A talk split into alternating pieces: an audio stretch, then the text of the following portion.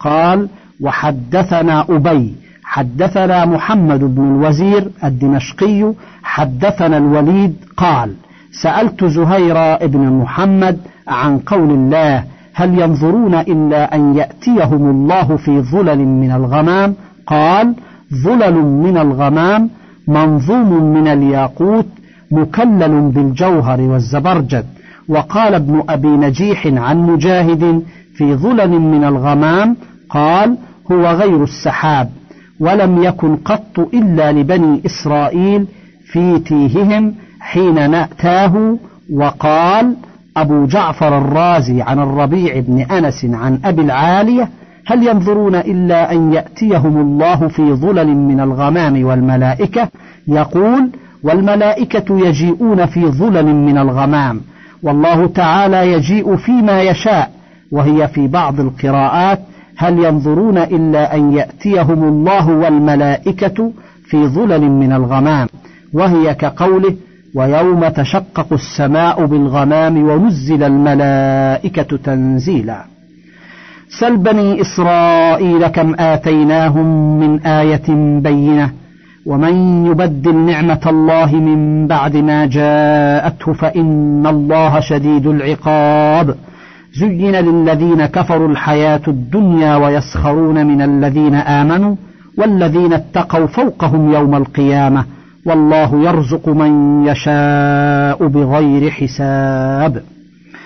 يقول تعالى مخبرا عن بني إسرائيل كم شاهدوا مع موسى من آية بينة أي حجة قاطعة بصدقه فيما جاءهم به كيده وعصاه وضربه الحجر وما كان عليهم في شدة الحر ومن إنزال المن والسلوى وغير ذلك من الآيات الدالة على وجود الفاعل المختار.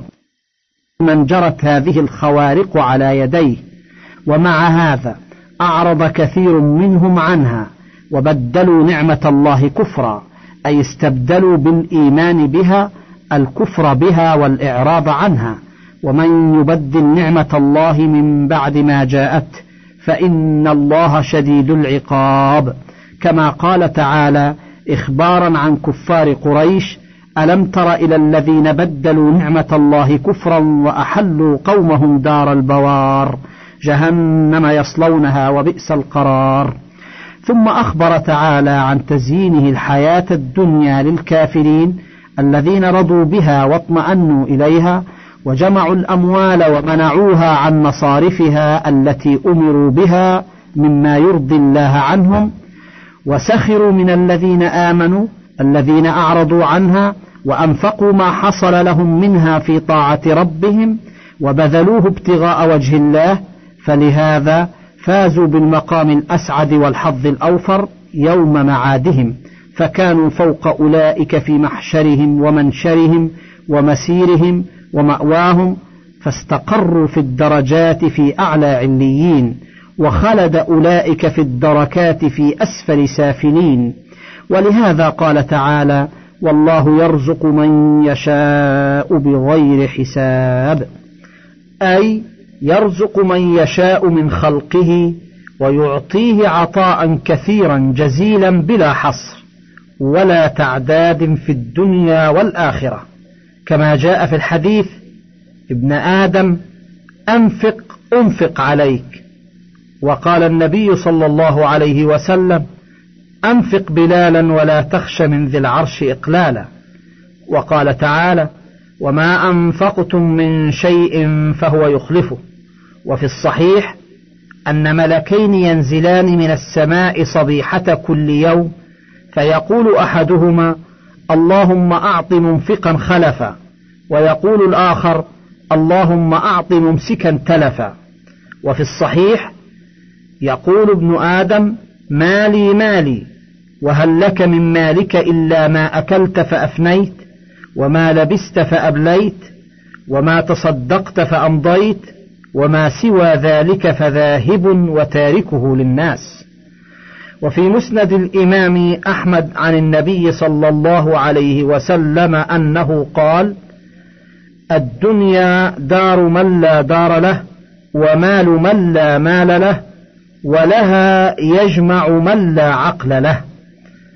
كان الناس أمة واحدة فبعث الله النبيين مبشرين ومنذرين وأنزل معهم الكتاب بالحق ليحكم بين الناس فيما اختلفوا فيه وما اختلف فيه إلا الذين أوتوه من بعد ما جاءتهم البينات بغيا بينهم فهدى الله الذين آمنوا لما اختلفوا فيه من الحق بإذنه والله يهدي من يشاء إلى صراط مستقيم.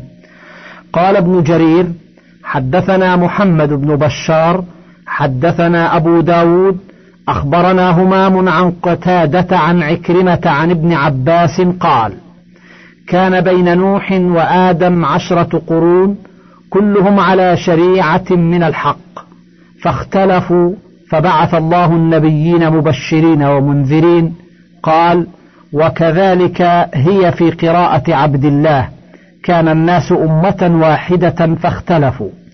ورواه الحاكم في مستدركه من حديث بندار عن محمد بن بشار ثم قال صحيح الإسناد ولم يخرجاه. وكذا روى أبو جعفر الرازي عن أبي العالية عن أبي بن كعب أنه كان يقرأها كان الناس أمة واحدة فاختلفوا فبعث الله النبيين مبشرين ومنذرين. وقال عبد الرزاق أخبرنا معمر عن قتادة في قوله كان الناس أمة واحدة. قال كانوا على الهدى جميعا فاختلفوا فبعث الله النبيين فكان أول من بعث نوحا وهكذا قال مجاهد كما قال ابن عباس أولا. وقال العوفي عن ابن عباس كان الناس أمة واحدة يقول كانوا كفارا فبعث الله النبيين مبشرين ومنذرين والقول الأول عن ابن عباس أصح سندا ومعنى لأن الناس كانوا على ملة آدم حتى عبدوا الأصنام فبعث الله إليهم نوحا عليه السلام فكان أول رسول بعثه الله إلى أهل الأرض. ولهذا قال تعالى وأنزل معهم الكتاب بالحق ليحكم بين الناس فيما اختلفوا فيه وما اختلف فيه إلا الذين أوتوه من بعد ما جاءتهم البينات بغيا بينهم. أي من بعد ما قامت الحجج عليهم وما حملهم على ذلك إلا البغي من بعضهم على بعض. فهدى الله الذين آمنوا لما اختلفوا فيه من الحق بإذنه والله يهدي من يشاء إلى صراط مستقيم. وقال عبد الرزاق حدثنا معمر عن سليمان الأعمش عن أبي صالح عن أبي هريرة في قوله فهدى الله الذين آمنوا لما اختلفوا فيه من الحق بإذنه الآية. قال قال النبي صلى الله عليه وسلم نحن الآخرون الأولون يوم القيامة. نحن أول الناس دخولا الجنة بيد أنهم أوتوا الكتاب من قبلنا. وأوتيناه من بعدهم فهدانا الله لما اختلفوا فيه من الحق بإذنه. فهذا اليوم الذي اختلفوا فيه فهدانا الله له فالناس لنا فيه تبع فغدا لليهود وبعد غد للنصارى. ثم رواه عبد الرزاق عن معمر عن ابن طاووس عن أبيه عن أبي هريرة وقال ابن وهب عن عبد الرحمن بن زيد بن أسلم عن أبيه في قوله فهدى الله الذين آمنوا لما اختلفوا فيه من الحق بإذنه فاختلفوا في يوم الجمعة فاتخذ اليهود يوم السبت والنصارى يوم الأحد فهدى الله أمة محمد صلى الله عليه وسلم ليوم الجمعة واختلفوا في القبلة فاستقبلت النصارى المشرق واليهود بيت المقدس فهدى الله أمة محمد للقبلة واختلفوا في الصلاة فمنهم من يركع ولا يسجد ومنهم من يسجد ولا يركع ومنهم من يصلي وهو يتكلم ومنهم من يصلي وهو يمشي فهدى الله أمة محمد للحق من ذلك. واختلفوا في الصيام فمنهم من يصوم بعض النهار ومنهم من يصوم عن بعض الطعام فهدى الله أمة محمد للحق من ذلك. واختلفوا في إبراهيم عليه السلام فقالت اليهود كان يهوديا وقالت النصارى كان نصرانيا وجعله الله حنيفا مسلما فهدى الله أمة محمد للحق من ذلك. واختلفوا في عيسى عليه السلام فكذبت به اليهود وقالوا لأمه بهتانا عظيما. وجعلته النصارى إلها وولدا وجعله الله روحه وكلمته فهدى الله أمة محمد صلى الله عليه وسلم للحق من ذلك. وقال الربيع بن أنس في قوله فهدى الله الذين آمنوا لما اختلفوا فيه من الحق بإذنه أي عند الاختلاف أنهم كانوا على ما جاءت به الرسل قبل الاختلاف أقاموا على الإخلاص لله عز وجل وحده وعبادته لا شريك له وإقام الصلاة وإيتاء الزكاة فأقاموا على الأمر الأول الذي كان قبل الاختلاف واعتزلوا الاختلاف وكانوا شهداء على الناس يوم القيامة شهداء على قوم نوح وقوم هود وقوم صالح وقوم شعيب وآل فرعون أن رسلهم قد بلغوهم وأنهم قد كذبوا رسلهم. وفي قراءة أبي بن كعب وليكونوا شهداء على الناس يوم القيامة والله يهدي من يشاء إلى صراط مستقيم وكان أبو العالية يقول في هذه الآية المخرج من الشبهات والضلالات والفتن وقوله بإذنه أي بعلمه بهم وبما هداهم له قاله ابن جرير والله يهدي من يشاء أي من خلقه إلى صراط مستقيم أي وله الحكمة والحجة البالغة. وفي صحيح البخاري ومسلم عن عائشة أن رسول الله صلى الله عليه وآله وسلم كان إذا قام من الليل يصلي يقول اللهم رب جبريل وميكائيل وإسرافيل فاطر السماوات والأرض عالم الغيب والشهادة أنت تحكم بين عبادك فيما كانوا فيه يختلفون. اهدني لما اختلف فيه من الحق بإذنك إنك تهدي من تشاء إلى صراط مستقيم. وفي الدعاء المأثور اللهم أرنا الحق حقا وارزقنا اتباعه وأرنا الباطل باطلا وارزقنا اجتنابه ولا تجعله ملتبسا علينا فنضل واجعلنا للمتقين إماما.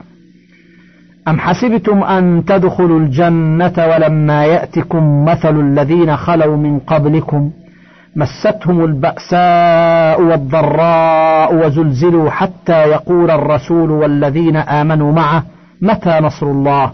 ألا إن نصر الله قريب. يقول تعالى أم حسبتم أن تدخلوا الجنة قبل أن تبتلوا وتختبروا وتمتحنوا كما فعل بالذين من قبلكم من الأمم؟ ولهذا قال ولما يأتكم مثل الذين خلوا من قبلكم مستهم البأساء والضراء. وهي الأمراض والأسقام والآلام والمصائب والنوائب. قال ابن مسعود وابن عباس وأبو العالية ومجاهد وسعيد بن جبير ومرة الهمداني والحسن وقتادة والضحاك والربيع والسدي ومقاتل بن حيان البأساء الفقر والضراء السقم وزلزلوا خوفوا من الأعداء. زلزالا شديدا وامتحنوا امتحانا عظيما.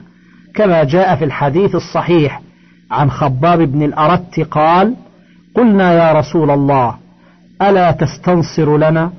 ألا تدعو الله لنا؟ فقال إن من كان قبلكم كان أحدهم يوضع المنشار على مفرق رأسه فيخلص إلى قدميه لا يصرفه ذلك عن دينه.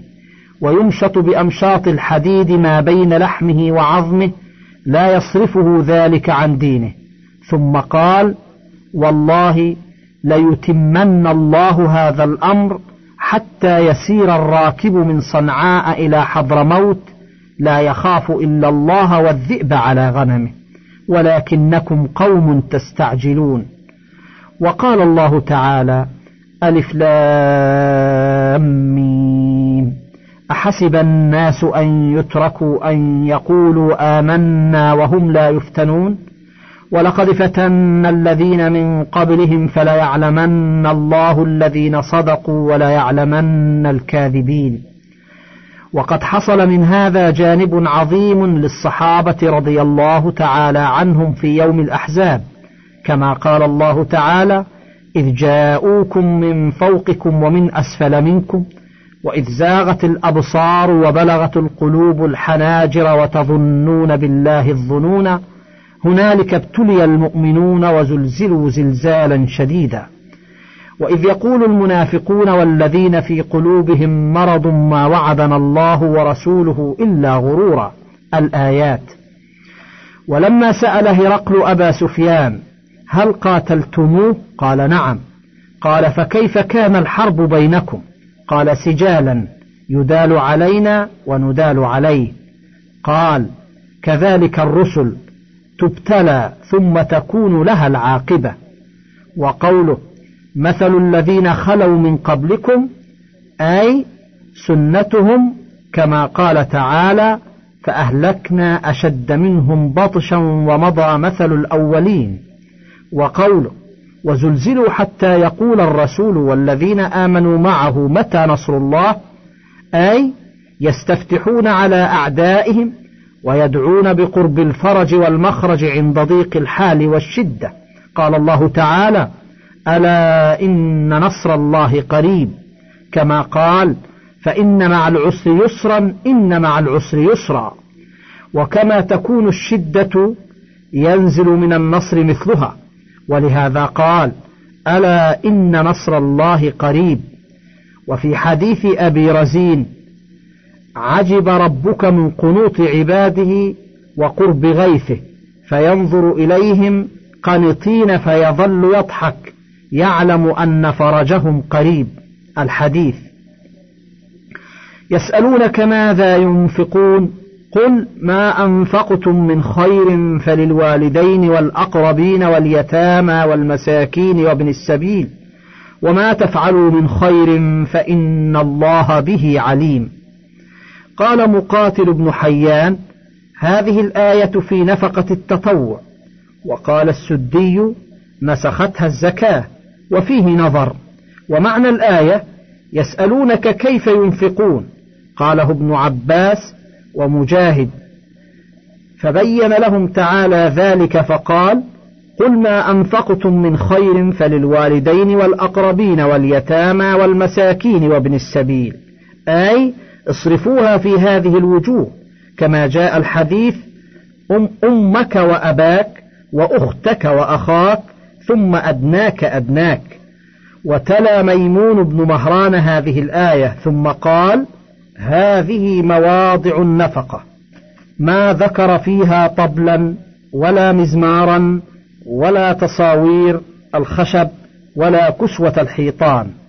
ثم قال تعالى وما تفعلوا من خير فإن الله به عليم. أي مهما صدر منكم من فعل معروف فإن الله يعلمه. وسيجزيكم على ذلك أوفر الجزاء فإنه لا يظلم أحدا مثقال ذرة. كتب عليكم القتال وهو كره لكم وعسى أن تكرهوا شيئا وهو خير لكم وعسى أن تحبوا شيئا وهو شر لكم والله يعلم وأنتم لا تعلمون. هذا إيجاب من الله تعالى للجهاد على المسلمين أن يكفوا شر الأعداء عن حوزة الإسلام. وقال الزهري الجهاد واجب على كل أحد غزا أو قعد فالقاعد عليه إذا استعين أن يعين وإذا استغيث أن يغيث. وإذا استنفر أن ينفر وإن لم يحتج إليه قعد. قلت ولهذا ثبت في الصحيح من مات ولم يغزو ولم يحدث نفسه بالغزو مات ميتة جاهلية. وقال عليه السلام يوم الفتح لا هجرة بعد الفتح ولكن جهاد ونية وإذا استنفرتم فانفروا. وقوله وهو كره لكم أي شديد عليكم ومشقة وهو كذلك. فإنه إما أن يقتل أو يجرح مع مشقة السفر ومجالدة الأعداء. ثم قال تعالى وعسى أن تكرهوا شيئا وهو خير لكم. أي لأن القتال يعقبه النصر والظفر على الأعداء والاستيلاء على بلادهم وأموالهم وذراريهم وأولادهم. وعسى أن تحبوا شيئا وهو شر لكم. وهذا عام في الأمور كلها. قد يحب المرء شيئا وليس له فيه خيرة ولا مصلحة. ومن ذلك القعود عن القتال. قد يعقبه استيلاء العدو على البلاد والحكم. ثم قال تعالى والله يعلم وأنتم لا تعلمون أي هو أعلم بعواقب الأمور منكم وأخبر بما فيه صلاحكم في دنياكم وأخراكم. فاستجيبوا له وانقادوا لأمره لعلكم ترشدون. يسألونك عن الشهر الحرام قتال فيه قل قتال فيه كبير وصد عن سبيل الله وكفر به والمسجد الحرام وإخراج أهله منه أكبر عند الله والفتنة أكبر من القتل ولا يزالون يقاتلونكم حتى يردوكم عن دينكم إن استطاعوا ومن يرتد منكم عن دينه فيمت وهو كافر فأولئك حبطت أعمالهم في الدنيا فأولئك حبطت أعمالهم في الدنيا والآخرة وأولئك أصحاب النار هم فيها خالدون. إن الذين آمنوا والذين هاجروا وجاهدوا في سبيل الله أولئك يرجون رحمة الله والله غفور رحيم. قال ابن أبي حاتم حدثنا أبي حدثنا محمد بن أبي بكر المقدمي حدثنا المعتمر بن سليمان عن أبيه حدثني الحضرمي عن أبي السوار عن جندب بن عبد الله أن رسول الله صلى الله عليه وسلم بعث رهطا وبعث عليهم أبا عبيدة ابن الجراح فلما ذهب ينطلق بكى صبابة إلى رسول الله صلى الله عليه وسلم فحبسه فبعث عليهم مكانه عبد الله بن جحش وكتب له كتابا وأمره ألا يقرأ الكتاب حتى يبلغ مكان كذا وكذا وقال لا تكرهن أحدا على السير معك من أصحابك. فلما قرأ الكتاب استرجع وقال سمعا وطاعة لله ولرسوله. فخبرهم الخبر وقرأ عليهم الكتاب فرجع رجلان وبقي بقيتهم. فلقوا ابن الحضرمي فقتلوه ولم يدروا أن ذلك اليوم من رجب أو من جمادى فقال المشركون للمسلمين قتلتم في الشهر الحرام فأنزل الله يسألونك عن الشهر الحرام قتال فيه قل قتال فيه كبير الآية. وقال السدي عن أبي مالك وعن أبي صالح عن ابن عباس وعن مرة عن ابن مسعود يسألونك عن الشهر الحرام قتال فيه قل قتال فيه كبير. الآية من فضلك تابع بقية المادة.